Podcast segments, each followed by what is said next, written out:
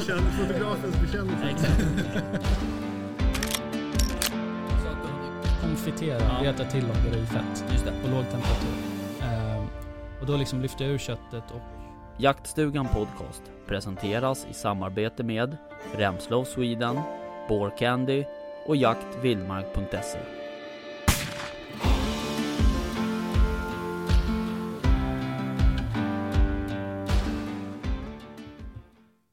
Hej allihop! Välkomna till ett avsnitt av Jaktstugan Podcast. Det är inte rösten ni är vana vid att höra så här i början kanske. Men eh, idag eh, har jag slängt hem Rickard. Han får inte vara med. Eh, och eh, det är avsnitt 26. Och vi har en väldigt speciell gäst med oss idag. Vi har Daniel Totti med oss. Välkommen! Tusen tack och få bli kallad för vä- väldigt speciell är lite extra ärofyllt liksom. En, eh, det här eh, avsnittet har jag ju varit supertaggad på. Mm. Eh, Så det är väldigt kul att du är här. Verkligen detsamma. Det är ärofyllt att få vara med i den, Ah. den äkta jaktstugan också. Få sitta i den, en, den fysiska, Ja. fysiska jaktstugan här också. Det här är alla, ju the real, eh, the real original eh, jaktstuga liksom. bland alla uppstoppade djur och Ja, bara lite precis. Vad sa vi? Elefanter och... vita tigrar Ja. och utrotningshotade djur på väggarna och sånt. Precis. Det känns, känns ballt. Ja, nice. Hur är läget då? Det är strålande. Ja. Jag har haft en, eh, en bra dag eh, och eh, jag är mm, taggad för att podda lite. Kul. Uh, gött. Eh, jag tycker vi kör igång direkt. Mm. Eh, berätta lite om dig själv. Ja, jag är mm, Daniel Totti och jag är en, en kock och jägare och en matnörd utan dess like. Jag har gått den, den hårda skolan eh, och eh, liksom utbildat mig som kock och eh, varit en väldigt energisk Stockholmskock som har gjort karriär i storstan för att sen till slut på grund av kärleken lämna stan och eh, flytta ut till lugna och Nice. lugna Roslagen. Ja, det, det var samma här faktiskt. Mm. Det var kärleken som gjorde att vi flyttade ut. Ja. Ja. Även om kärleken sen sket sig så vart jag kvar i alla fall. Ja, Kul att du är Då kvar. hade man ju liksom fått upp, eh, när man väl hade fått upp intresset för vildsvinsjakt och Ja. helgrillade djur och, eh, Mm. och eh, rustika bröllop ute på landet och sånt, då var man inte så intresserad av att flytta tillbaka till en Nej. 30 kvadratare på Kungsholmen. Liksom. Nej, jag skulle aldrig flytta tillbaka. Det kommer inte hända. skulle man ju sälja 30 kvadratare och bli med två hus istället. Ja. Det är, sjukt. Vi sålde ju också vår etta 30 kvadrat eh, ungefär. Så, eh, för mer än vad vårt hus är värt. Liksom. Ja. Helt sjukt. Ja, hur som. Eh, hur eh, kom du in på jakten? När började du jaga? Jag började jaga då i samband med att jag flyttade ut till Roslagen och helt plötsligt kom över en, en, eh, en, jaktmark som var helt orörd där och som eh, jag fick disponera själv på 80 hektar där jag hade ensamrätt. Liksom. Fick, eh, Guld. kunde bara slänga sig på bössan över axeln och gå ut så började jaktmarken Ja. på farstukvisten. Ja men vad nice. Vad... Så jag eh, började ganska, in, eh, började ganska eh, på en gång fick en kompis eh, som eh, lärde mig lite om hur man anlade en, en åtelplats. Så Mm. redan första, första månaden som jag började, hade tagit jägarexamen så började jag åteljaga och eh, bland mina första pass så sköt jag en liten, liten gris. Och Kul. bland mina, jag tror det tredje eller fjärde passet så sköt jag en 200 kilos galt. Uff. Och eh, det var en historia för sig, Ja. men eh, sidospår, som ni brukar säga. Ja precis. Eh, det, det gick rykten om att det bodde en riktigt stor gris i Mm. skogarna kring Roslagen, den som hette, kallades för Buddha. Han vägde två- 200 kilo plus, Ja. eh, han hade skrämt livet ur hundägare, han var beryktad i hela byn. Och den nyexaminerade jägaren från Stockholm, Mm. jag. Hur, eh, hur satte det med övriga Det jägare? var svårt att komma in i, i gängen sen, om man säger så. Ja. Men, eh, jag hade ju dessutom med mig en, eh, en, en kock, Stockholmskock också som aldrig hade, Okej. han aldrig hade jagat förut eller varit ute i skogen. Mm. Så han kom dit med sina vita Adidas och skulle ut och sitta på pass. Det var mörkt, det spöregnade Ja. och det enda, och han sa då till mig, det är två, jag tror att de här grävlingarna kommer tillbaks nu. Och eh, jag tittar i kikarsiktet och säger, nej det är en gris, jag tror det är en ganska stor gris till och med. Mm. Jag tryckte av och sen så eh, hittade vi den där. Mm. Ehm, Hade den gått långt eller var nej, men den hade gått kanske 50 meter i, Okej. men det var så mycket blod och ormbunkarna låg och Ah, right. det var lätt att hitta. Mm. stod en stor, stor stensfråga, tittade han på mig, ska, ska de verkligen vara så här stora? Liksom? Jag vet inte, ingen aning faktiskt. Ja. Det var lite, det var lite roligt. Men, Ja, eh, nice. den, den grisen då, Buddhas huvud, tog jag med till en tatuerare och sa han, den vill jag ha på min mage. Ah, coolt.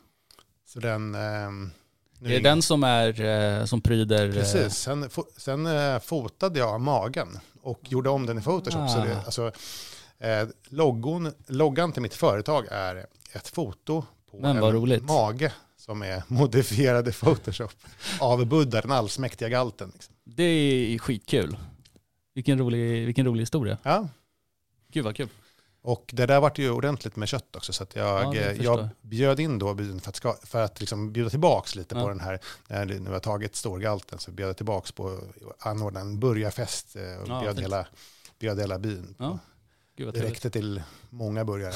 Det var ordentligt. Men det var svingott kött. Alltså. Ja, ja vad roligt. Det kan ju, stora vildsvin kan ju ibland vara lite knepiga. Men eh, Han var, det var liksom lite känsla man åt med, mm. man åt med minnen. Jag har alltid varit sån där som har liksom värderat, eh, en bra råvara ska inte bara ha liksom en bra sammansättning av, bra kött ska inte bara ha en sammansättning av ehm, bra fett och Mm. bra kött och bra smak. Så det ska ju ha en, det ska ha en story till också. ja, Det är då man får ut den där sista kryddan som inte går att efterlikna Nej, utan, precis. utan storyn. den där extra kärleken. Ja, och den kommer man typ bara åt om man har antingen jagat eller odlat själv. Liksom. Ja. Eller, om man, eller om man känner kanske att har en bra historia, att man har fi- liksom handlat av direkt av någon unik fiskare eller någon, Mm. någon karaktär eller någon jordbrukare utöver det vanliga. Man måste liksom Ja, på något sätt få till storyn, annars, annars kan en, en anrättning aldrig bli perfekt. Ja, kul. Eh, men har du liksom jakt i familjen eller vad? Nej, verkligen inte. Jag hade liksom ingen aning om vad jakt var för någonting när jag flyttade till Stockholm. Jag kom ju liksom själv upp i, i vita sneakers och, Mm. och eh, undrade vad, vad jakt var för någonting. Ja. Som kock, eh, ändå som Stockholmskock som liksom har pro, lagat massa mat med vilt så förstod jag att det var, att det var viltkött i dess levande form. Mm. Att vilda djur var det liksom. Och, eh, eh, men när man bor och är uppvuxen i Stockholm, man, det är på sin höjd lite rådjur och kaniner man ser. Ja, liksom. precis. Ja, kul. Nice. Eh, när, har du liksom alltid jobbat med mat? Eller har det Ja. varit... Eh, Jag gick Glo Globen, eh, kockskolan, Mm. sen är det direkt ut i, i kocklivet, bara säsongat lite och varit på lite säsongskrogar och jobbat med uppåt och sista tre åren som Stockholmskock var jag köksmästare och delägare i två restauranger. Och, eh, eh, sådär. Sen, men sen så eh, gick vi inte den, den, den karriären så gick inte att kombinera med det, fridfulla livet på landet. mm. Vildsvinsjakten och sånt. Så, Ja. att, så att det var man var tvungen att välja liksom. Och jag valde bort eh, storstadslivet då Mm. liksom. Yes. Nej, sociala livet tar sig en liten törn om man jobbar de timmar och Ja, och det var liksom, stressiga livet liksom. det var varje helg, det var varje natt och sitta och Mm. pendla, när man flyttar till Norrtälje, dessutom sitta och pendla, Ja, hur kul är det liksom? nej, det är lite tufft. Det funkar inte. Men, Rätt men tomt på vägarna dock, men eh, sen förstod jag liksom att i, i Stockholm, då var jag liksom, min nisch var lite mer, lite finare matlagning, Mm. liksom, lite avsmakningsmenyer och eh, väldigt elegant mat. Samtidigt så vi drev två restauranger, så en, en var lite mer fine dining och en Mm. var lite mer steakhouse med barbecue, smokat, eh, vedrökt och Nice. sånt. Så att, nice, hör man ja, det.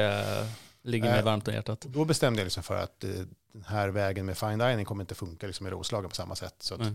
Är det någonting jag ska göra eget i Roslagen så är det ett grillföretag. Så jag bestämde mig för att eh, starta Tottis Mat. Då det ska vara ett eh, levande företag. Liksom. Eh, jag vill inte backa in mig själv i något hörn. Jag vill inte skriva så här Tottis grillade vildsvin. För då, det, det företaget hade varit lite, mer, lite väl nischat. Liksom. Så Ja, Tottis Mat ska kunna liksom, växa och vara levande. Mm. Så, så det började med att det var en, en, en kock som åkte runt och grillade hela vildsvin. Mm. Och grillade stora grillbufféer på, på bröllop och Ja, det. eh, företagsfester och 50-årsfester och sånt. Och Mm. liksom, Jag var helt själv och hade ingen aning om vad jag höll på med. Nej, men jag kunde ju laga mat, men det var ju, att driva företag är så mycket mer än så. Men, Mm. men, men jag började verkligen så och tänkte att det är en bra grej att göra på sommaren och sen på resten av året kan jag frilansa som kock. Liksom, och, eh, vikarierande köksmästare och sånt. Men, men Mm. ganska fort så växte det och Ja, vad blev roligt. två. Jag hittade en, en kompanjon också, Marcus, som var likasinnad.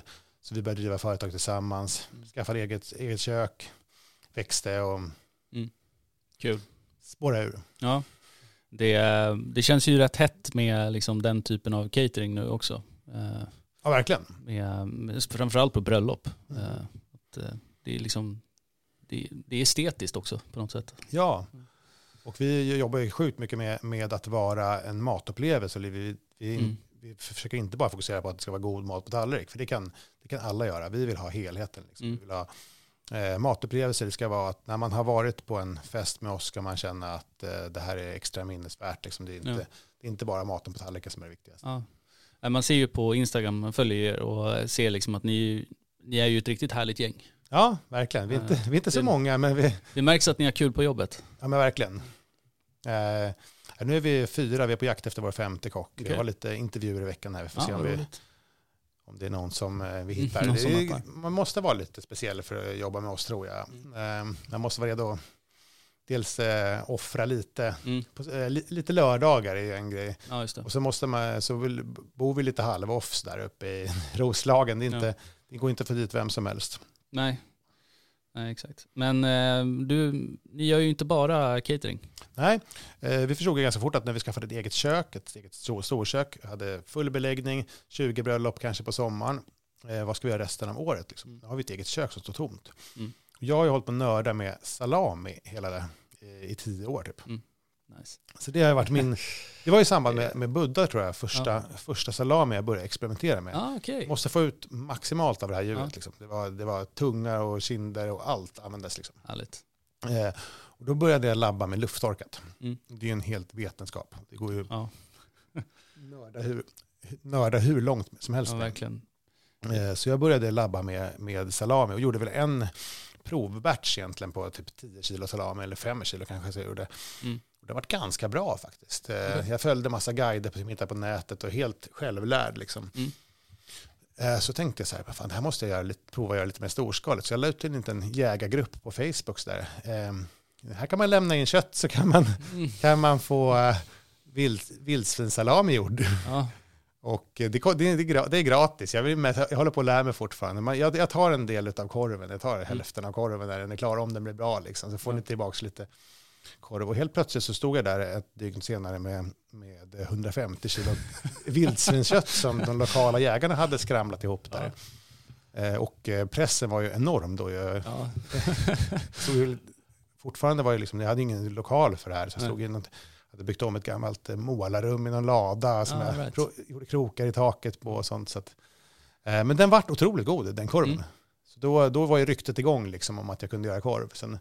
förstod jag att, att göra gratiskorv resten av livet var ju inte, Nej, det inte var ingen bra kanske. affärsidé. Liksom, så att, eh, men nu hade vi i alla fall en egen lokal, vi hade kylrum, vi hade maskiner. Nu kan vi liksom göra det här, prova att göra det här eh, eh, proffsigt. Mm. Eh, så vi började lite småskaligt och göra det till ICA-butiker. Ja, exakt. Lite Jag, jag ser ju den här uh, varje gång jag är uppe och handlar i Norrtälje. Så Mm. uh, det är riktigt kul. Nu har vi väl eh, liksom, började med att eh, vi, jag gjorde en eh, salami som jag döpte till väddersalami. Mm. Som var en väldigt naturell grissalami på, med lite rostade fänkål. Och den vart ju en riktig succé. Den vann till, vann till och med SM-brons i chark-SM eller i mathantverks-SM. Oh, wow. Då fick vi väldigt mycket publicitet. Ja. Och sen så gjorde vi en fårsalami och sen en vildsvinssalami. Eh, Mm. och sen en till vildsvinssalami och sen en tryffelsalami och sen håller vi på med ullgrissalami. Så, så helt plötsligt eh, har vi en hel familj med massa olika korvar. Ja. Och 15 återförsäljare och står och stoppar 70 kilo i veckan ungefär. Grattis får jag säga. Mm. Ja, det är svinkul. Ja, häftigt. Svinkul. Ordhumor. Mm. Jobbar man i, i grisbranschen så blir det en hel del Ja, ordhumor. det Liksom. förstår det. Svinkul, grymt Ja. gott. Vår slogan är grymt god mat också. Perfekt. Så eh, jag tänkte bjuda på två korvar här idag också. Det är, Ja. det är då svingod salami, som då är en god vildsvinssalami. Mm. Och sen svinstark salami, som är en stark vildsvinssalami. Nice. Här står det ju lufttorkad hantverkskorv på svenska vilda vildsvin med smak av skog, enbär och peppar. Ja, den är väldigt poppis. Ja, den här har man ju smakat på några gånger. Ja, Ja. härligt. Nice.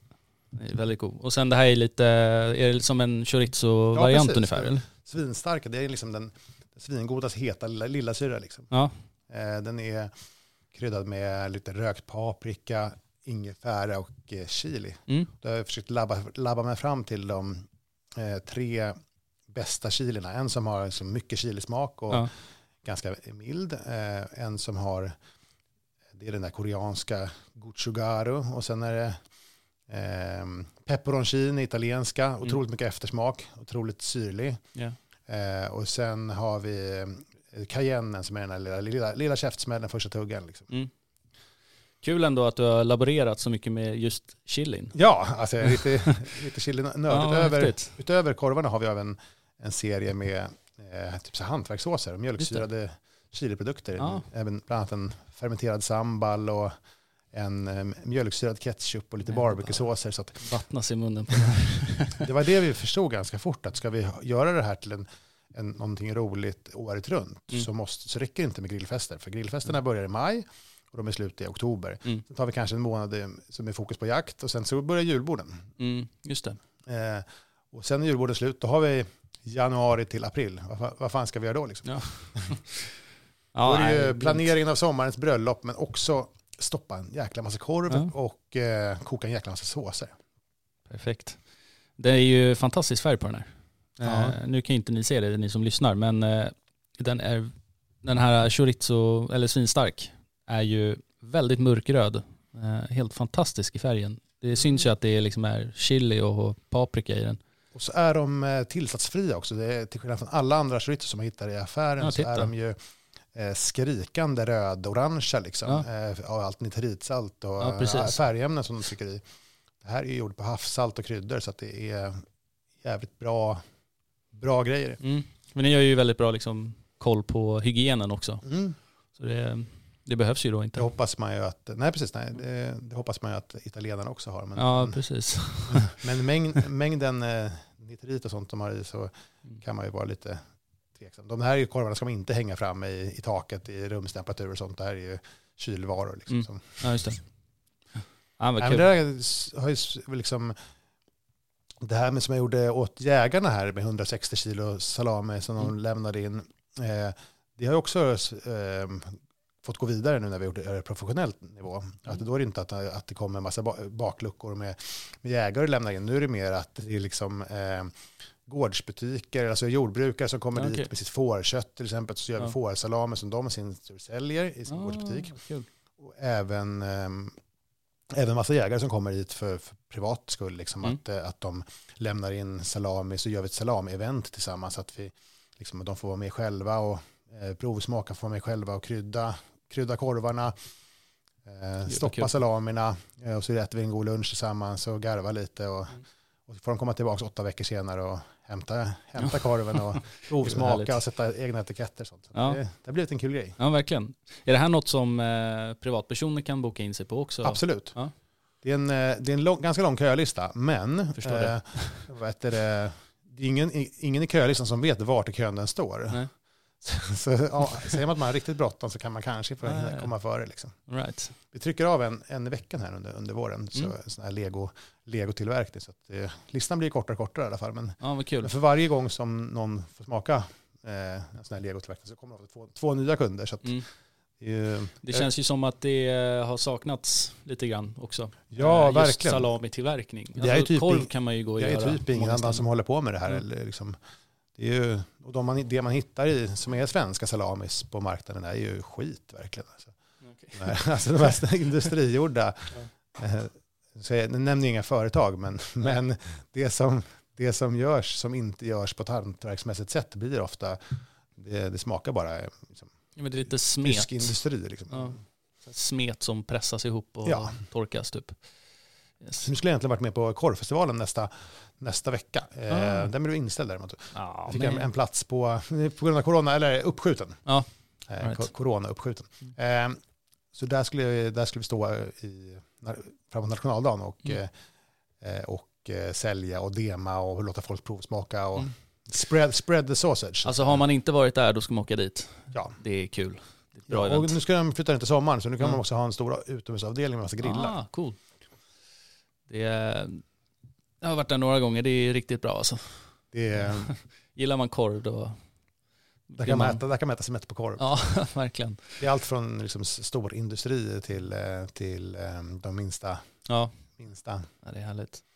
Men om man vill börja göra egen salami då? Vad, vad tycker du att man behöver, vad behöver man ha hemma? Det enda egentligen man behöver är ett utrymme som man kan liksom kontrollera luftfuktigheten på. Mm. Det är det som är problemet för så många möter på när man gör salami. Att man, att man stoppar en korv då man har följt ett recept. Man kanske till och med haft köpt rätt bakterier på nätet. Mm. För att det som skiljer egentligen salami från vanlig korv är att man, att man tillsätter en startkultur, någon form av bakterier som Just får det. igång rätt bakterier. Mm. Och sen måste man kunna kontrollera temperaturen och man måste kunna kontrollera luftfuktigheten. Men det viktigaste är fukt, luftfuktigheten, att det inte får bli för torrt. Och vad är Det- optimalt? Typ eh, 75 procent ungefär. Mm. Det är den optimala. Det är lite halvtropiskt. Och det, på, gör man det på vintern, vilket, eh, vilket man lätt kan, kan göra, Mm. då kanske en luftfuktighet på 30 procent, 40 procent. Och då blir det, vad som händer då med korven är att den på en gång blir snustorr på ytan Just det. eh, och kapslar in all, all fukt. Ja. Eh, så att den eh, liksom inte har någonstans att ta vägen. Det Mm. bildas som en torrkant som liksom, eh, stänger in all fukt och då till slut så liksom surnar den inifrån för att den inte, den inte får bli en, en. Så det är viktigt att hålla en, ett schysst klimat. Mm. Liksom. Man vill att Eh, den ska torka inifrån och ut. Ja, långsamt. Ja. Det är ju, ju torrare, man kan nästan säga nästan ju fuktigare man har i, i torkrummen, desto snabbare går det att torka korven. All right. Det låter helt motsägelsefullt. Salami är liksom fyllt av massa motsägelser. Ja. Ju mer honung, man, ju mer socker man trycker i korven, desto Ja. sur, surare blir den. Just det. Och ju, mer, ju, to, ju fuktigare man har i kylen, desto snabbare går det att torka korven. Mm. Så det är, För det är väl mjölk, vad sa du, du var, kanske sa det, men mjölksyrebakterier? precis hur? köper ett litet vitt, vitt pulver, en liten knarkpåse på nätet. Liksom. Nej, eh, eh, med, det, de är ofta odlade liksom i, i rismjöl eller så. Eh, Italien sker den största produktionen av de här bakterierna. Och så köper man en sån påse och så rör man ut den med lite, lite honung och lite varmvatten för att väcka till liv, liv dem. Och sen liksom ripplar man i den i, i salamismeten så att det blir jämnt fördelat. Just det. Men man skulle väl tekniskt sett kunna använda yoghurt också? Eh, ja, det är lite olika typer av, Mm. av bakterier. Jag har provat att liksom trycka i surdeg i en salami. Det, var, det var riktigt obehagligt. Det var stora, stora, stora luftbubblor i. Oh. Som tur var gjorde jag bara typ en korv, så här, Okej.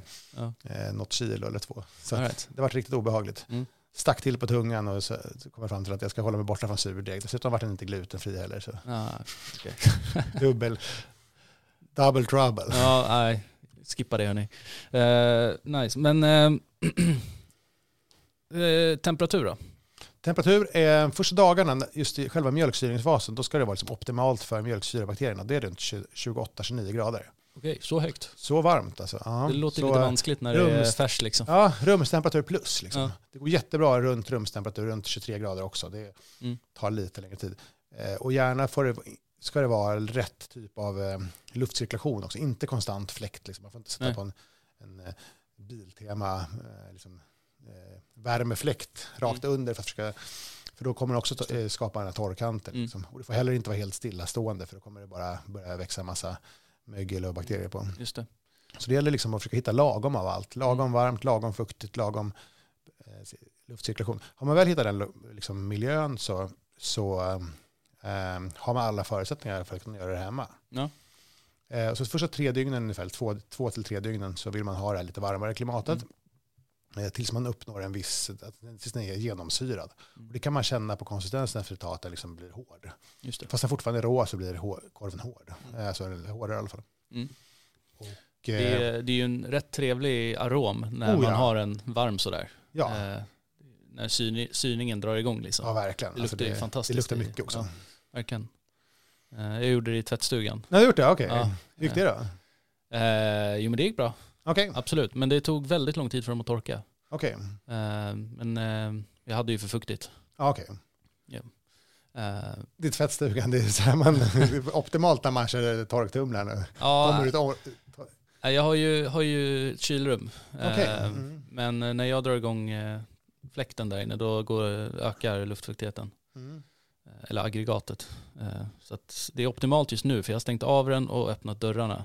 Mm. Då är det 70 procent. Okej, Ja. nice. Ja, så nu hänger det lite, lite Sen grejer. en, liksom, när, när den väl har nått rätt, eh, rätt eh, genomsyrning, liksom, Mm. man kan mäta det med pH också om man är lite lite, har lite proffsverktyg då, ska Mm. nå under 5,3 är liksom en säker produkt. Man börjar ofta på rått kött där runt Mm. mellan 5,6 och 5,8. Okej. All right. När man är nere på 5,3 så är det en säker produkt. Liksom. Då finns det inga andra bakterier som kan, kan ta över där. Liksom.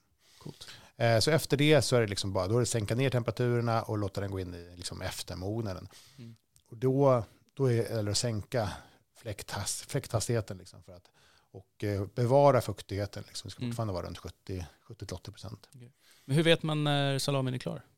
Eh, det, det vet man inte. Nej. det, får man, det får man känna sig fram till. Ja. Jag kör fortfarande, även fast jag gör 70 kilo i veckan, Mm. så går jag fortfarande på att klämma på varje korv. Liksom. Ja, Eh, right. För att de kan mogna olika. Nu blir det ganska, ganska jämnt. Liksom. Men, men Mm. det är fortfarande hantverk. Eh, torkar du nog hela köttstycken och, eller Mm, hela mm. muskler? Vi gör det mindre och mindre nu. Det, Ja. det blir otroligt gott. Ja. Och det är så, men det tar ännu längre tid och det binder alldeles för mycket kylutrymme. Mm. Så det har liksom blivit Förstår. så att vi, att vi har bantat ner den produktionen för att få in mer korv i kylarna. Helt enkelt. Vi har tre kylrum, men det räcker fan inte till. Liksom. Right. Vi vill ha fler kylrum. Ja, cool. Men eh, det är typ samma tänk fast man skippar syningsprocessen liksom. Tvärtom kan man säga. Det är Ja. egentligen man börjar med att eh, lufttorka köttet och Mm. sen syra det. Jaha. Så man börjar med att det viktigaste st- steget när man ska liksom lufttorka en hel köttbit. Mm. Det viktigaste är att under extremt kallt, eh, mm, ju kallare desto bättre, så ju närmare nollan desto bättre, eh, försöka få in salt till kärnan av Mm. utav köttbiten. Så det finns lite olika metoder, antingen kan man vakuumpacka in saltet, Mm. eller så kan man liksom grovsaltsbad eh, och att försöka få in saltet. För innan man har fått in salt i kärnan, då kan man inte gå upp i temperatur. Och det, tar, det kan ta tid. Mm. Det kan ta ett par månader liksom innan, innan saltet har trängt in i mitten. Ja, precis. stor skinka eller så. Ja, exakt. Och först efter det så får man börja med mjölksyrningen. Mm. Och hur, Eh. hur gör man det då? Då är, alltså, traditionellt sett om man tänker på skinkor så häng, när saltet har trängt igenom Mm. då hänger man ut den. I Italien hänger man, Italien hänger man ut den på, sol, eller på skuggsidan under våren. Just det. Där är det kanske 28-29 grader. Mm. Eh, tra, traditionellt sett om man går tillbaka innan det fanns klimatanläggningar. Mm. Då får man en ganska eh, liksom, eh, mild skinka. Om man tänker parmaskinka och Just de här italienska är mycket, mycket mildare än de spanska. Mm. Spanjorerna hade som, som ehm, tradition att hänga ute på solsidan. huset. Och där är det kanske 35, Mm. 37 grader. Vilket gör att fettet blir mycket, mycket nötigare, mycket, mycket syrligare. Eh, mycket mer, eh, liksom, oxiderar och härsknar mycket mer. Så att det blir, liksom, det. alldeles gult. Fettet, liksom, och mycket nötigare. Mm. Så att en serranoskinka är ju otroligt mycket, mycket nötigare och syrligare än, än en parmaskinka. Mm. Och det har inte bara med att det är iberico. Eh, nej, det Nej. har också med att det, liksom, det under mjölksyrningsprocessen är det en högre, högre temperatur så att eh, Okej. det, liksom, det växer en helt, en helt annan flora av bakterier. Jag visste faktiskt inte att man eh, mjölksyrade Nej, hela detaljer. Jag trodde bara att man saltade och sen hängde in. så Liksom. här kan man väl säga, enkel, enkel matematik, att, att eh, kött minus vätska bara, Mm. om man bara torkar kött, till exempel så här som man hänger upp Mm. eh, på norrsidan. Liksom. Så Ja. Kött minus vätska är lika med kött smak gånger två. Mm. Ehm, ganska enkel Ja. matem- matematik. Ja. Eh, kött som mjölksyras och torkas Mm. kan liksom bli köttsmak gånger tio. Man kan liksom väcka, väcka igång en helt andra bakterier, helt andra smaker som man aldrig Mm. kommer åt utan det. Men om man köper en sån här torkad renfilé till exempel på, på Mm. Ica. Är den, den är inte syrad då? Nej. Utan den är bara liksom saltad kött- och Kött torkad? minus vatten, All right. kött gånger två. ja. Det är därför de blir sådär extremt hårda också eller? Mhm. Ja. Och smakar inte mer än, än kött, men det är jättegott. Ja. Absolut, kött, torkat kött är ju svingott, Mm. men, men det är inte kött gånger tio. All right. Dagens mattelektion är Ja. över. Nice. Kul. Uh, gud, det, jag är helt så här, wow. Det här är fantastiskt. Vi, Det vi är ju, lite, det är lite nörd, några år av nörderier bakom. ja men vi har ju suttit här och killgissat några avsnitt om hur man torkar och gör salami och grejer så här. Ja, Och nu är det slut på att- killgissningen. Ja, liksom. verkligen. Eh, ju Shame on me som har suttit här och... Jag killgissar i en massa andra om, områden, men just i salamin har man liksom slutat killgissa. Mm. Kul. Nej men det... Nej, gud. Men jag håller fortfarande på att laborera skitmycket också. Jag är inte på något sätt fullärd. Liksom. Det Mm. finns hur mycket som helst att lära sig. Just nu håller jag på att labba med att försöka få fram en duja. Det är alltså en så italiensk bredbar het salami. Jag lyckas inte riktigt få den bredbar, den blir liksom Okej. för hård. Så Ja. att jag har mycket att kvar att lära där. Är det, Det- typ som en sob Sobres? Ja, precis. Ja. Båda har ju samma sak. Det är att man, man syrar den mycket, mycket mindre. Okej. Plus man är mycket mer fett. eh, eh, Så att den liksom har inte alls samma vätskeförlust. Okej. Eh, Så man ska kunna få den bredbar. Men mina Endojes blir lite för hårda, men de blir Mm. goda i alla fall. Så att, eh, men man får, Ja. typ, man får typ lägga fram dem i rumstemperatur om de ska kunna gå, bli, gå bred tror jag. Mm. Så någonting gör jag lite fel, men det är det som är kul också. Det finns liksom ingen, det finns ingen eh, enkel svensk guide för hur man gör en doja. Nej. Man får kolla på eh, italienska YouTube-klipp med så gamla, gamla gubbar som har gjort det där i 40 Mm. år. De, Ja, inte så här, de, de delar inte riktigt med sig av hemligheterna heller. Nej, de är väl inte de mest pedagogiska kanske. Nej, nej. Och det är allting på italienska så man får liksom använda Google Translate. Det får man gissa sig fram lite. Ja, Ja, där blir killgissningarna. Där kommer de in just i det. matchen. Liksom. Ja. Eh, vad är framtiden då för eh, Tottis mat? Jag tror att vi ska hitta någon, någon skön nivå där vi ska fortsätta vara ett levande, levande företag och liksom aldrig bromsa upp. Och jag tror att just nu så är, det, är vi på väg i rätt riktning. Så vi, är, vi har, jag och min kompanjon har ständiga konferenser liksom, när vi hela tiden försöker blicka tre år framåt. Och det, det är jättesvårt att blicka in, inför nästa sommar när vi, när vi har 40 bröllop som vi står inför den här Mm. sommaren. Och, och det, det är svårt att liksom se hur ska sortimentet med salami se ut om tre år när vi precis har släppt en ny salami. liksom. Men vi försöker att den ligger steget före och det är att eh, vi ska alltid ha kul. Vi ska alltid liksom få förverkliga våra passioner och vi ska knyta ihop våra, våra säckar och Mm. fortsätta roligt. Liksom. Vi ska inte bli det företaget som att eh, liksom, vi blickar tillbaka på att vad hände med glädjen eller vad hände med passionen. Det, Mm. det är det viktigaste. Och sen får vi liksom växa organiskt och långsamt. Just det. Ja, för ni, jag såg ju att eh, ni hade fått in en, eh, en st- större sugga som ni eh, styckade ner och gjorde liksom. Ja, det, var in, det var inte bara en sugga, det var, det var fem suggor. Det var till och med så. Ja, vi köper ju liksom gärna hela djur. Framförallt eh, har vi ett eh, Mm. samarbete med en gård i Uppland där vi köper deras suggor som är färdiga i produktionen. Okej. Och de, det som är unikt med dem är att bortsett från att det är riktigt bra kött och riktigt bra råvaror så att när man köper femåriga djur Mm. så har de mycket, mycket lägre vätskeinnehåll i köttet också.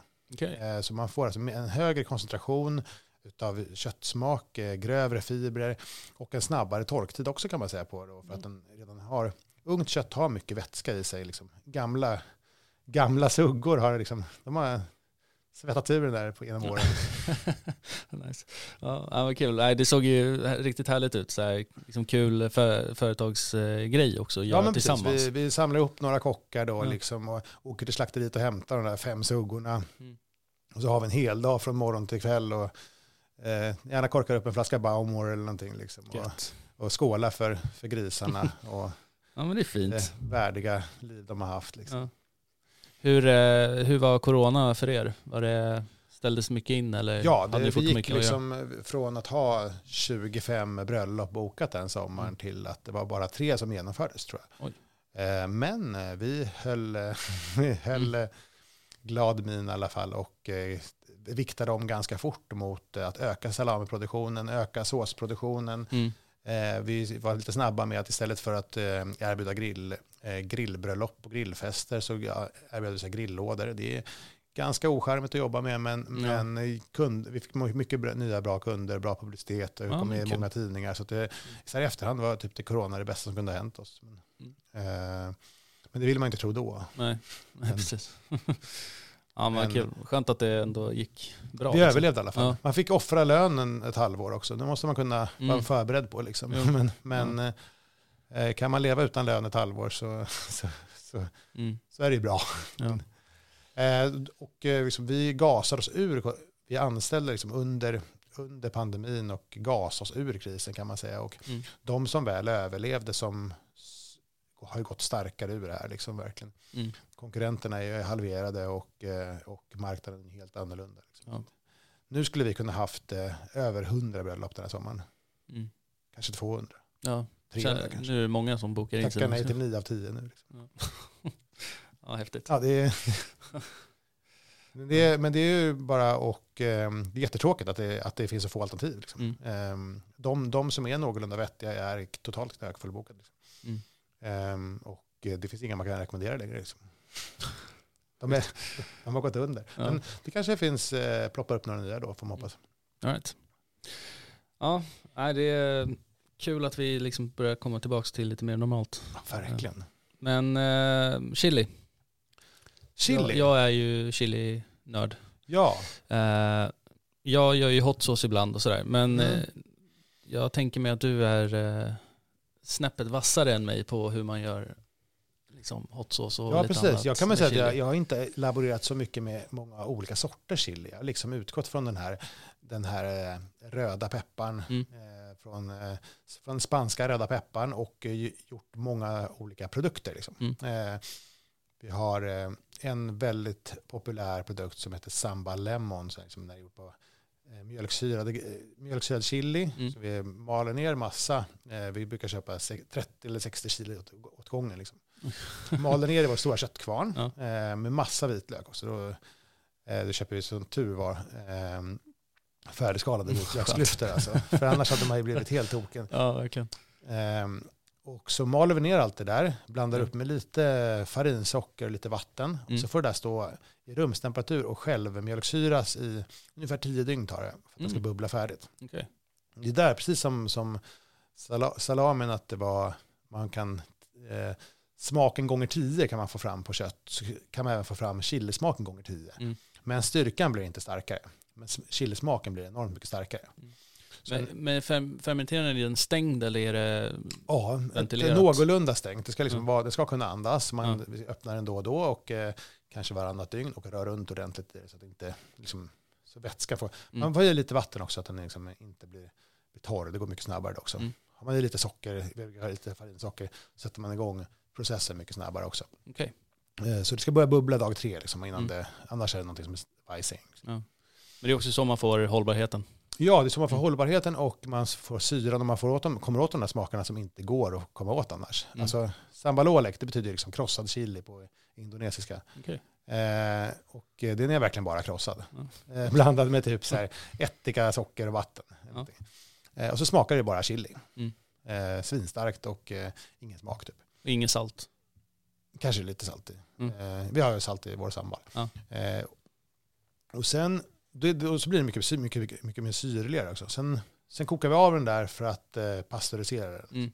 Då förlorar man ju alla de här eh, nyttiga bakterierna som folk pratar om med mjölksyring. Mm. Men det är det värt också, för då får man verkligen hållbarheten och, eh, och eh, man riskerar inte att den fortsätter jäsa i, i Mm. burken. kan Det bli kan bli tråkiga olyckor. tråkiga olyckor, precis. Någon som får en exploderande chiliburk i Ja. ögonen eller något. Så den blir i sig väldigt eh, sur. Men sen Mm. har vi upptäckt liksom att, att kombinationen chili och citron är otroligt god. Mm, Eh, verkligen. Och, eh, så vi har i ungefär 10% eh, citron, lagrade citroner också i. Mm, Och den har man i efter man har kokat färdigt. okej. Så man liksom tillsätter eh, finhackat eh, skal, Mm. eller man, liksom, hela citronen kan man säga. att vi fin, först gra, saltgravar i en månad eh, och sen finhackar så att det blir små bitar eh, utav citronskal också.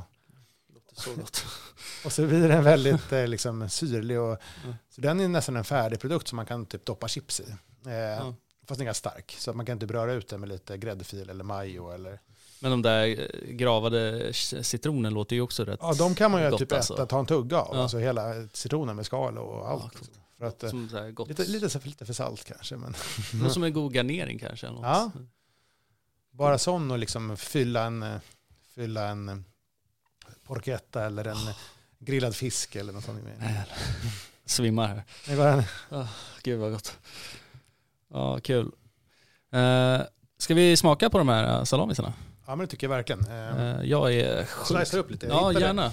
Nu ska vi tillägga att, att eh, knivutbudet här på Ja, det jaktstugan är var ju katastrofalt dåligt. katastrofalt. Så jag hittade en gammal, ser ut som mormors, mormors allround-kniv från Ja, 30-talet här nu. Med, här lär väl inte säljas längre. nej, det är, Med spetsen har gått av också. ja, ja, det är precis. Det Ja. kanske har öppnat ostron eller någonting. Ja, precis. Men eh, medan du gör det, då eh, tänkte jag bara nämna att eh, vi har ju tävling eh, med, eh, för våra Patreon-lyssnare. Eh, där vi ska lotta ut en vårbockjakt. Och det är fortfarande igång. Så att vill man hänga med oss och jaga vår bock så ska man bli en eh, Patreon. Eh, och eh, ni blir ju då medbjudna på jakt tillsammans med oss. Så att in och bli en Patreon och tipsa era polare så blir vi väldigt glada och vi kan utveckla podden ännu mer. Och vi var ju faktiskt iväg och jagade i helgen, jag och Rickard. Eh, det var inte helt enkelt. Eh, vi var ute och pyschade dov. Men eh, föret var ju hemskt. Det var som att någon hade liksom kört ett flygplan och kastat ut tusen ton med chips på marken. Som också var uppmickat med, till högtalare. Eh, så att för varje steg man tog så skrämde man ju bort alla djur inom en, inom en hektar ungefär. Eh, så att eh, det gick inte så jättebra. Men eh, vi kommer göra fler försök. Eh, vi har ju faktiskt marsch på oss på kalv. Eh, så att eh, det får ni kanske se lite mer av sen också. Eh, nu har Totti skärt upp lite goda salamisar så att jag eh, ska sluta prata och äta lite tänker jag. Eh, vilken ska jag börja med? Alltså det här är ju då, jag har ju med mig två av de här familjen salami nu. Mm. Och eftersom det är en, ändå en jaktpodd här nu så tänkte jag att jag skulle ta med mig det vilda sortimentet här. Men det är bra. Och inte ta med mig tamgriskorvarna. Nej. För det passar inte in. Så jag har eh, en salami som heter svingod salami. Mm. Som är en vildsvinssalami. Det är den där. Det är den där. Ja. Den, den, liksom, den, är, den är god. Jag Och så har jag en som heter svinstark, som är stark. Ja. Den här görs ju då på, på 60% vildsvin och även lite tamgris, för att, framförallt för att få upp eh, rätt eh, späckhalt lite mer kontrollerat. ska inte sitta och smaska i micken för det är tydligen inte så uppskattat. Måste du smaska lite extra bara för att ha sagt så. precis. Eh, den är kryddad med, med rosmarin, timjan, enbär, vitlök och svartpeppar. Väldigt gott. Mm. Och den luktar ju fantastiskt. Mm. Den är ju så ganska lagom syrad. Den är, den är lite mer italiensk sti- stil på de tyska korvarna är det överlag, tyska salamis är det överlag lite mer syrade. Mm. De har snabb, en annan typ av kultur där det syrar mycket snabbare och lite mer metwurst. Eh, Det, det sticker lite mer i kinderna och sånt. Medan Mm. Det. salami, italienska salamis, den här stilen på, är ju väldigt söta. Liksom. Mm. Ja, Det luktar ju verkligen kött också. Mm. Det är kött Eh, gånger tio. Ja, det, det känns på lukten. Och Eh, mycket kryddor. 3% salt ungefär i rå, råvaran och sen tappar den lite vätska också så det blir ännu mer, Mm. lite mer salt. Så det här är ingenting man äter 200 gram av. Då blir det liksom, det här är en extremt smakrik korv eh, som ska behandlas som en inte som en bebis, för det, man skär ju den. Eh, det lät lite fel. Men ska behandlas som en skatt. Liksom. Mm. Man ska eh, kunna äta en, en skiva i, på två gram och eh, sitta och njuta efter den ett tag. Liksom. Mm. Ja, det är, smaken sitter kvar länge i munnen också. Jag sitter fortfarande och liksom, Det gick, Känner. jag gick igång på det, att börja göra lufttorkat och just det här med smak, smaken gånger tio. Att, Mm. Att man kan få en 100 grams produkt, liksom, eller en, en 100 grams korv, någonting, att räcka sig ett grabbgäng i en bastu mm, eh, en timme. Liksom. Eh, och inte bara vara en, en hotdog som, som man äter upp på, på 14 sekunder och sen är det slut. Eh, Är så man får ju mer glädje per gram. Liksom. Mm. Ja, verkligen. Det Det, till, skulle kunna ha ett nyckeltal man tar fram. Liksom. Ja. GPG, glädje per gram. Ja. det är bra. Eh, vad är det för skinn? Eh, det är oxtarmar jag köper. Okej. Eh, köper från Kroatien faktiskt. Ox, Ja, oxtarmar. vi ska prata lite om Kroatien snart, Ja. tänker jag. Eh, men kul med ox. Eh, det var inte helt vanligt. Nej, kanske. eh, och det är faktiskt också för att oxtarmarna är lite grövre. Det blir tjockare korvar. De blir inte så jävla långa. Mm. Och eh, de också lite mer förlåtande för att de kan, kan liksom kapsla eh, in fukt på ett annat sätt. Mm. Så att de torkar inte ut lika lätt. Och de, eh, de, är lite mer, de är lite mer ge- generösa också. När man stoppar korven också spricker de inte lika lätt. Nu har jag ju tagit eh, den andra korven. Eh, svinstark. Eh, eh, det, alltså lukten är ju gudomlig alltså. verkligen kött, chili, paprika, peppar. Alltså, mm. wow.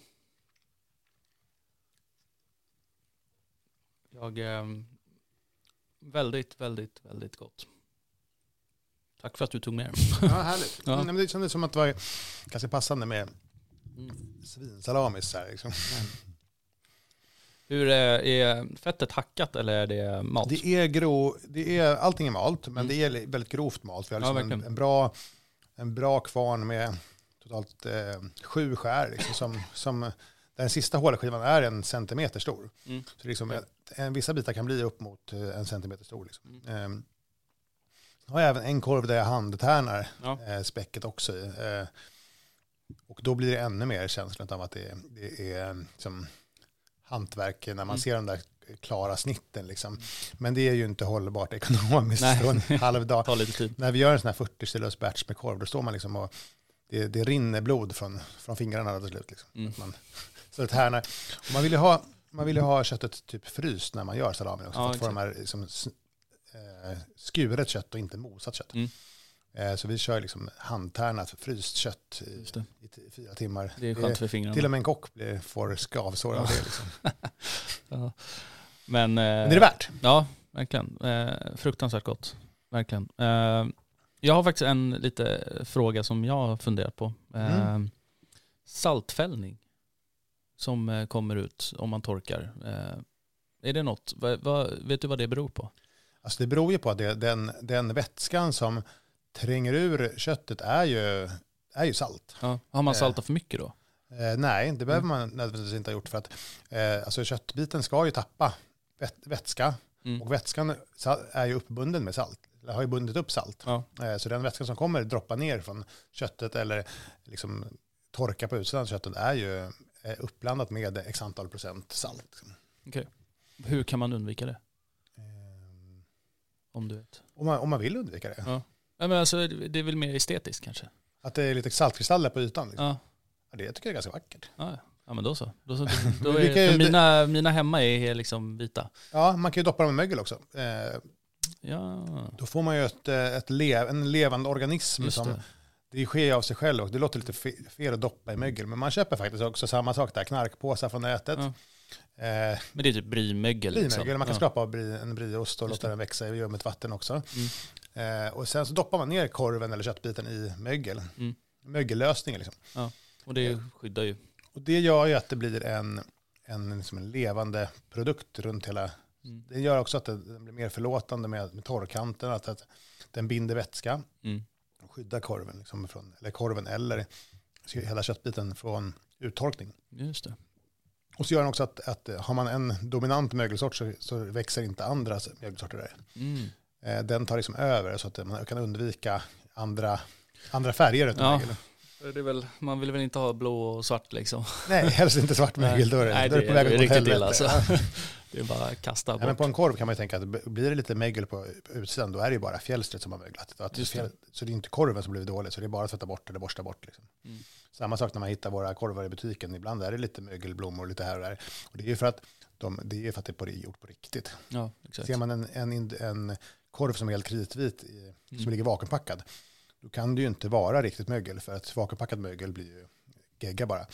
Eh, så då är det ju rismjöl som de tillsätter i industrin för att det ska se ut som mögel.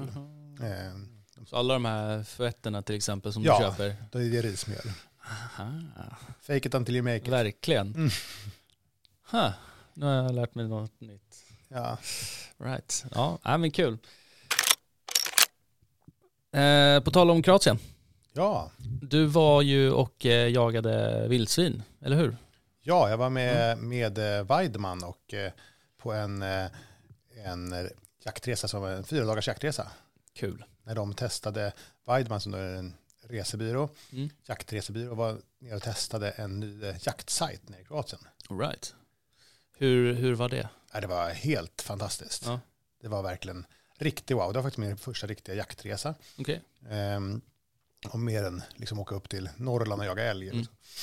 Eh, så var det min första utomlandsjaktresa och det var, eh, det var så häftigt. Det var ett, för det första var det ett väldigt, väldigt roligt eh, ett gäng som åkte ner. Det var liksom 12 härliga svenska jägare som var otroligt, otroligt taggade. Liksom. Vi Mm. möttes upp redan en del vid, vid flygplatsen och åkte ner som en, vart en väldigt rolig, rolig resa. Mm. Ja, kul.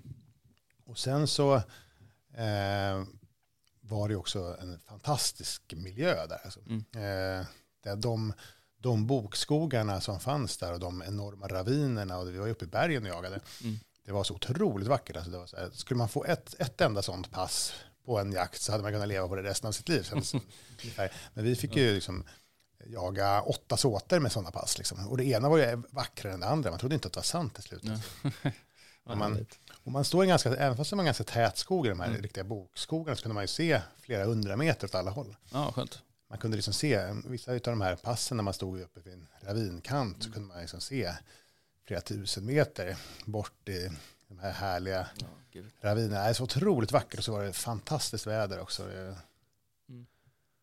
Och så Var var det- det jättebra jakt också. ja, var det mycket vildsvin då? Det var mycket vildsvin, inte så här groteskt mycket som man Nej. hade liksom, hört rykten om att det kan vara i, nere i de, de länderna, liksom, där det kommer så stora gäng med hundra grisar. Men det var, det, var otroligt, det var mer än vad det liksom är i, i, i Sverige, eller Mm. i Roslagen. Okej. Det var det och det var, det var väldigt, väldigt organiserade jakter, väldigt uppstyrda, mycket hundar, mycket hundförare, härliga drevkedjor liksom. Och, Mm. och eh, framförallt så har de ju jagat, där har de ju en jaktkultur som har funnits i fyra- 4000 år eller vad det är. Ja, Det var ju um, Asterix Obelix var väl därifrån. Liksom. ja De jagade vildsvin redan på den tiden. Ja. Och eh, de har ju säkert de har ju lärt sig förvalta djur på ett helt annat sätt än vad vi. Vi har ju liksom eh, väldigt, väldigt kort tid jagat vildsvin och Mm. förvaltat vildsvin. Liksom. Så, eh, så det var ju, de har ju liksom verkligen, verkligen lärt sig hur vildsvinen fungerar. Mm. Hur, eh, hur var maten på den här resan? Alltså maten på den här resan, just den här resan, den var ju inget vidare. Alltså, det var ju, Okej. Det var ju, vi hade, jag, jag som kock ser väldigt mycket fram emot eh, mot, eh, att få äta lite, lite riktig Balkanmat. Liksom. Mm. Jag hade liksom föreställt mig de här riktiga hantverken. Jag hade googlat lite, kollat lite YouTube-klipp och, och eh, liksom spanat in deras, deras värsting, eh, Mm. husmanskost. Liksom, sånt. Men det var inte den vi fick uppleva på den här resan. Okej. Det, var, det var väldigt mycket buljonger och väldigt mycket vitt bröd. Det var, det var väldigt mycket, väldigt mycket buljong och det var väldigt mycket vitt bröd. Och redan första, första rätten när vi kom dit så var det som det var, det var en, någon form av buljongsoppa. De har ju någon, ett pulver som heter Vegeta-pulver som är någon form av vegetariskt aromat. eh, ehm, som får allting att bli lite gult, så här, Ja, lite, lite ja. obehagligt. Man vet inte riktigt vad det är för någonting. Ehm, och det där var ju den röda tråden genom hela, Ah, hela resan. right. Det var en, en, en blommig, blommig tallrik med eh, flytande innehåll, men det flöt runt några grejer. Det var lite olika grejer som flöt runt. Ibland var det någon potatisklump, ibland var det någon Ja, liksom, små nudlar och ibland var det Mm. lite överkokta grönsaker. Men det flöt någon, runt någonting i den här buljongen i alla fall. Mm. Och så var det väldigt mycket liksom, industriproducerat vitt bröd. Eh, så att framåt slutet utav liksom, resan så började vi betta. Mm. Jag satt liksom där i, i minibussarna på väg hem från jakten. Och vi, eh, då var det någon som sa så här, bara, men 2000 spänn på att det är buljong och bröd till, Mm. till lunch här nu då. Är det någon som sätter emot eller? Helt tyst var det. Liksom. Ingen som vågade sätta emot den. Och just den gången när vi, när, när vi tog upp det där med bettingen så, så kom vi tillbaka till samlingen och då stod en, en stolt kock där och med två grytor. Det här var lite nytt. Så här. Han brukar, tidigare hade han bara en gryta med sig Mm. med, med eh, buljongsoppa och, och eh, bröd. Då. Då hade han två grytor, så redan på lite avstånd så förstod man att det här är nu inte nytt och spännande på gång. Mm. Och då var det en kastrull med pasta, eh, pennepasta, det är inget, inget konstigt med det. Ja. Och En, en kastrull med, med en köttgryta. Okej. Wow, det här är liksom banbrytande. Mm. Och det var ja, men brunt kött i brun sås, liksom. inga, inga Mm. konstigheter. Mm. Så slev man upp ordentligt, det såg ganska smaskigt ut. Man var ju hungrig, man hade ju jobbat hårt och släpat djur och sånt liksom. eh, Så, så eh, började man ta, tog, tog man första tuggan så bara knastrade till lite ordentligt. Så det var liksom grytbitar eh, med kött. Men varje köttbit hade en liten bit ben med sig också. Det var liksom nerhuggna revben och sånt. Så i, i en pastasås. så äter vi inte i Sverige. Nej, verkligen. Det är ju kul att få testa på Balkans matkultur, men, Ja. men just den var lite, var lite wild card. Ja, okej. Eh, men eh, va, hur, Hur gick jakten för dig då? Jättebra, det gick fantastiskt bra. Ja. Eh, första, första dagen hade jag väldigt mycket stolpe ut. Jag hade otroligt mycket obs, alltså man ser ju, Mm. man såg otroligt mycket djur. Liksom. Men mycket liksom, utanför, utanför skotthåll, i, inne i dungar, fel, fel skjutriktning, dåligt kulfång och sånt. Liksom. Mm. Så att man, så första dagen, jag hade säkert en 15-20 obs, obs liksom. Eh, jag lyckades faktiskt inte komma över en enda, enda gris, men Mm. dag, dag två lossnade och jag lyckades faktiskt eh, komma över fyra grisar på en och samma dag. Wow. Vilket, eh, mer än vad man har lyckats med här i, hemma i Ja. Roslagen. Liksom. Ja. Och totalt vart det ju eh, väldigt många, Mm. väldigt många grisar och häftiga jaktupplevelser. Så det Ja, kul. otroligt, otroligt häftigt. Och det som jag tyckte var väldigt häftigt också var att vi såg, man såg mycket gris på väg ut på pass. För att Mm. de, de, det är ju en mycket mer skyddad liksom, miljö. De är ute eh, i den där terrängen där i ravinerna och sånt. De är ute på dag, dagtid grisarna och går runt och betar i, i slänterna. Liksom. Så att man på väg ut till pass kunde man se ett gäng på fem, sex grisar som stod lite med ute i ravinen och betade. Ja. Och tryckte liksom lite. Eh, och sen var det ju väldigt annorlunda form av drev. Liksom. Här i Sverige brukar vi ofta hitta de här vildsvinspassen ska ju vara de här trånga, Mm. snåriga vägpassen. Gärna med en tuffa vass eller Ja, riktiga grantätningar eller någonting. Men här istället så postade de ut eh, uppe i ravinkanterna, uppe Okej. på de högsta höjderna. Ja. Och så tryckte de med, med dreven nerifrån Mhm. ravinerna, så de tryckte upp grisarna längs med bergsluttningarna. Okej. Så att en helt annan typ utav jakt också och väldigt, väldigt effektivt och väldigt häftigt. Var det så att eh, drevkedjan gick och tjoade? Och, Oh ja, det var som, det var som eh, man hade eh, drömt om. Liksom. Att det var, och det kom närmare och närmare. Det var så, så mycket adrenalin. Alltså, Ja, när, man, när man hör de där tio, tio drevkarlarna som tjoar och simmar och man hör grisarna som grymtar och hundarna som kommer närmare. Det är Mm. så, så mäktig upplevelse. Ja, så det, Men det här kan man väl se på YouTube va?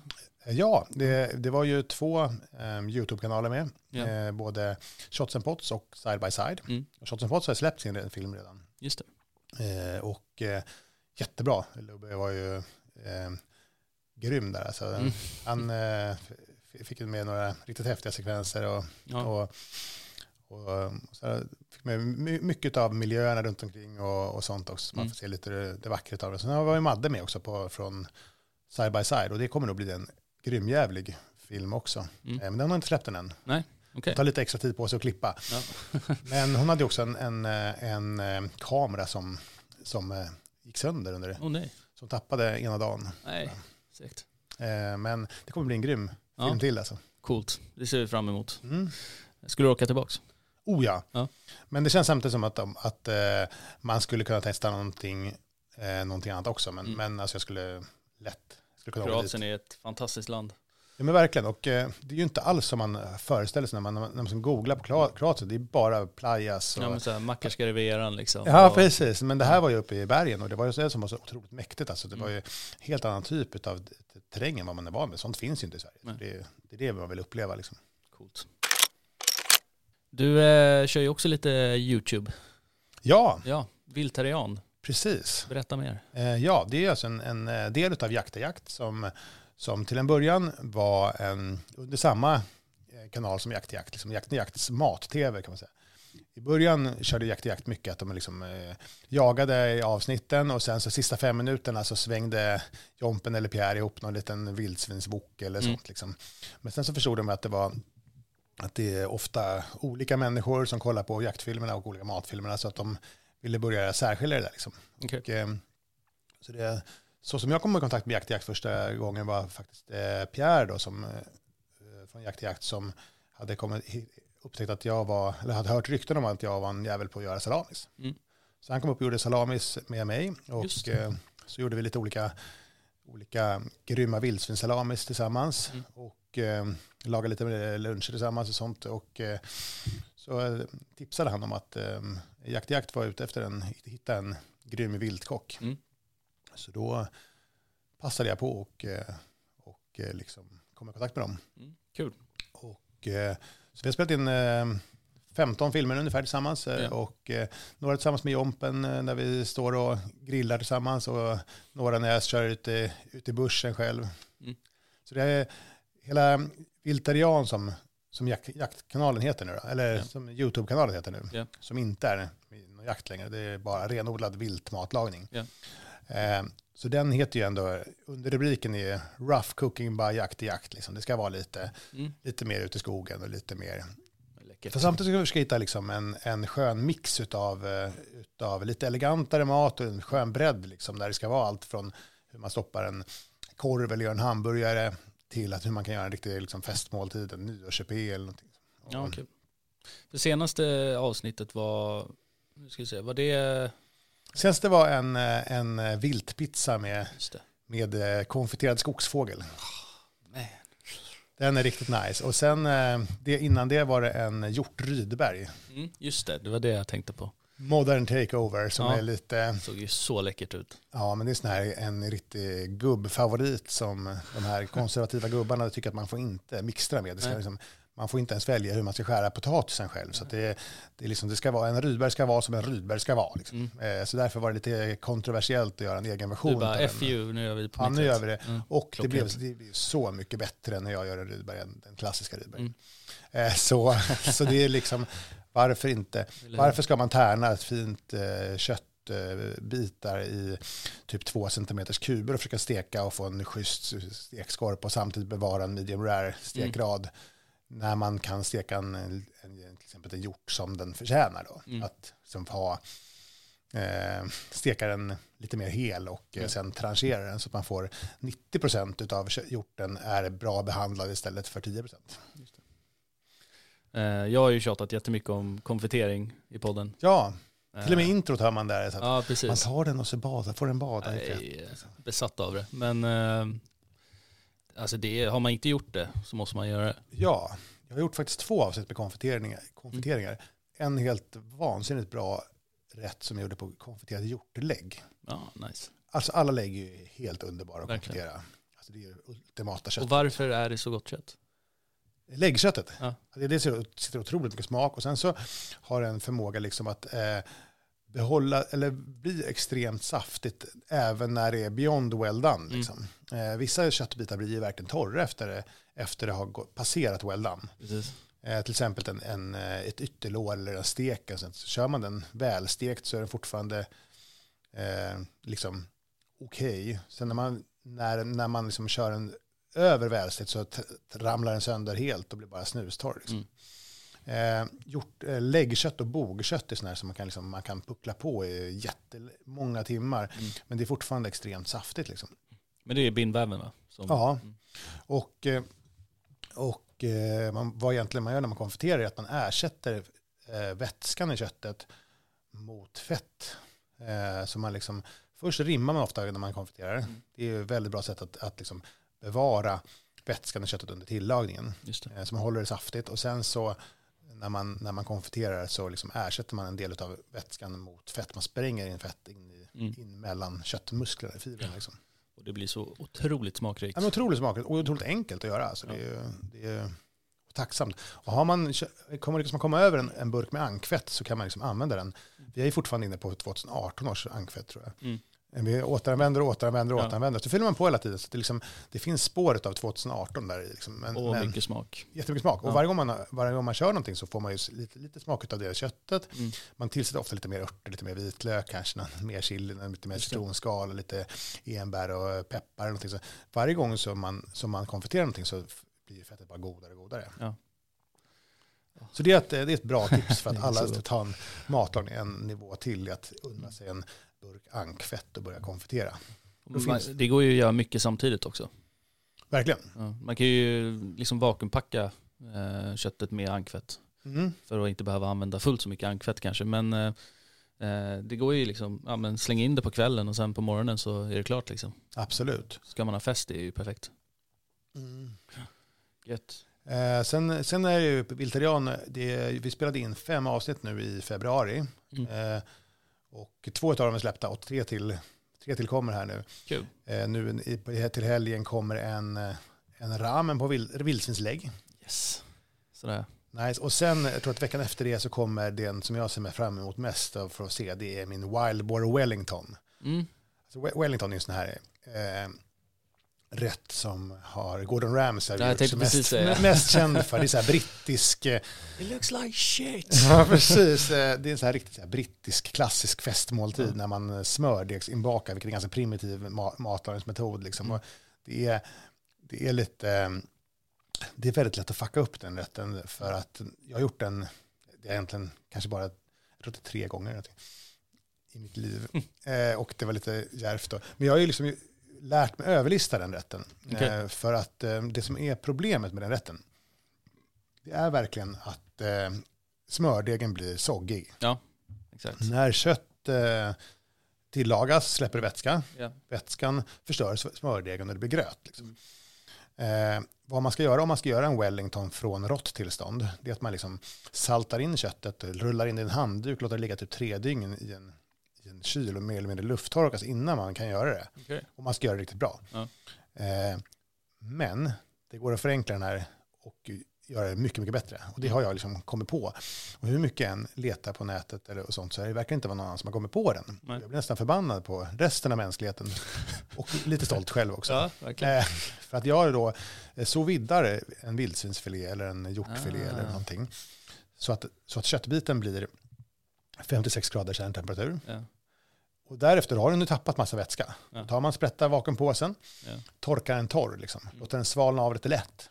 Ehm, och sen eh, rullar man in den i smördegen. Mm. Och i smördegen ska det även vara dijonsenap, lite svampduxell och parmaskinka. Så det är en riktig femlagersrätt. Mm. Liksom. Ehm, och på så vis kan man liksom fokusera på att krispa smördegen.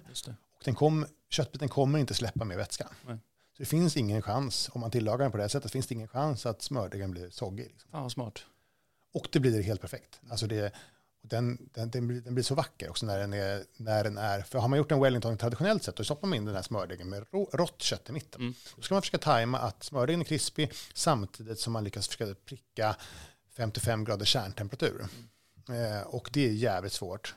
Och den blir inte särskilt jämnt tillagad. För ska smördegen få en schysst skorpa så måste den upp på 200 grader kanske. Ja. Och att tillaga en eh, köttbit på 200 grader det är inte nice. Det är inte Nej. schysst mot köttet. Nej, Eh, Så, så det här är liksom det är, en, det är en, en rätt som är misshandlad redan från början. Mm. Eh, som jag har lärt, att, lärt mig skydda. Ja, nej, det var faktiskt riktigt smart. Ja, Eh, eh, och den kommer nog om, om två veckor här nu. Då, så ja, Spännande. det blir något av en cliffhanger. Ja. In och kolla på YouTube, säger jag bara.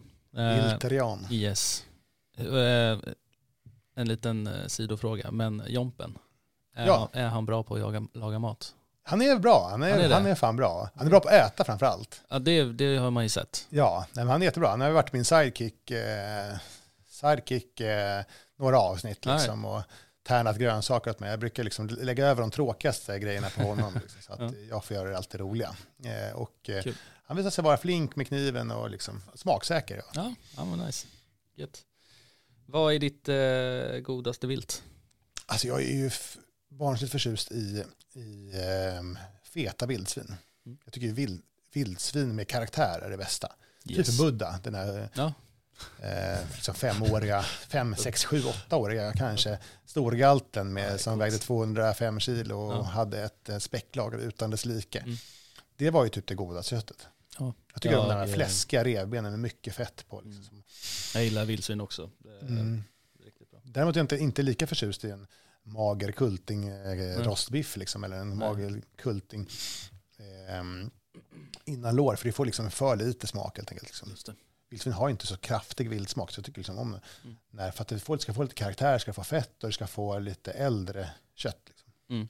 Så det är ju saftigt och gott med, med mört kött. Liksom. Det är som kalvkött kontra en åttaårig mjölkko. Liksom. Ja. Kon kommer, kommer vinna, men Ja. kalven är ju mörare. Ja, precis. Vad är favoritjakten då? Jag tycker att eh, vildsvinsjakt i alla eh, former är Mm. det roligaste jag har utsatt mig för. I alla fall liksom, Mm. drevjakt och spannmålsjakt är det roligaste. Liksom. Eh, det, är, det är det som ger mest puls också. Mm. Jag började väldigt mycket med, med liksom åteljakt och, och smy, smygjakt och vakjakt och sånt. eh. Det. Och det, är ju, det gav mig väldigt mycket puls eh, i början. Mm. Men jag tycker att det, det roligaste är det som, som man blir berörd av.